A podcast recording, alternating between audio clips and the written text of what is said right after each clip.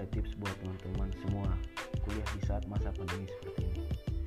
Kuliah online, kuliah yang sangat membosankan, kuliah yang hanya memantau gadget, kuliah yang menghabiskan kuota, dan kuliah yang sangat dibenci banyak mahasiswa.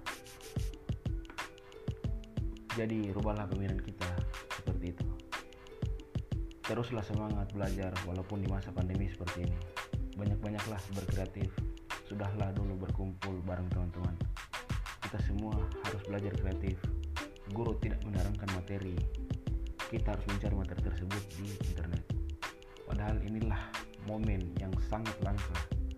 Mengerjakan tugas sambil bersantai. Setelah mengerjakan tugas kita bisa melakukan hal yang kita sukai. Dan jangan lupa kewajiban kita sebagai mahasiswa.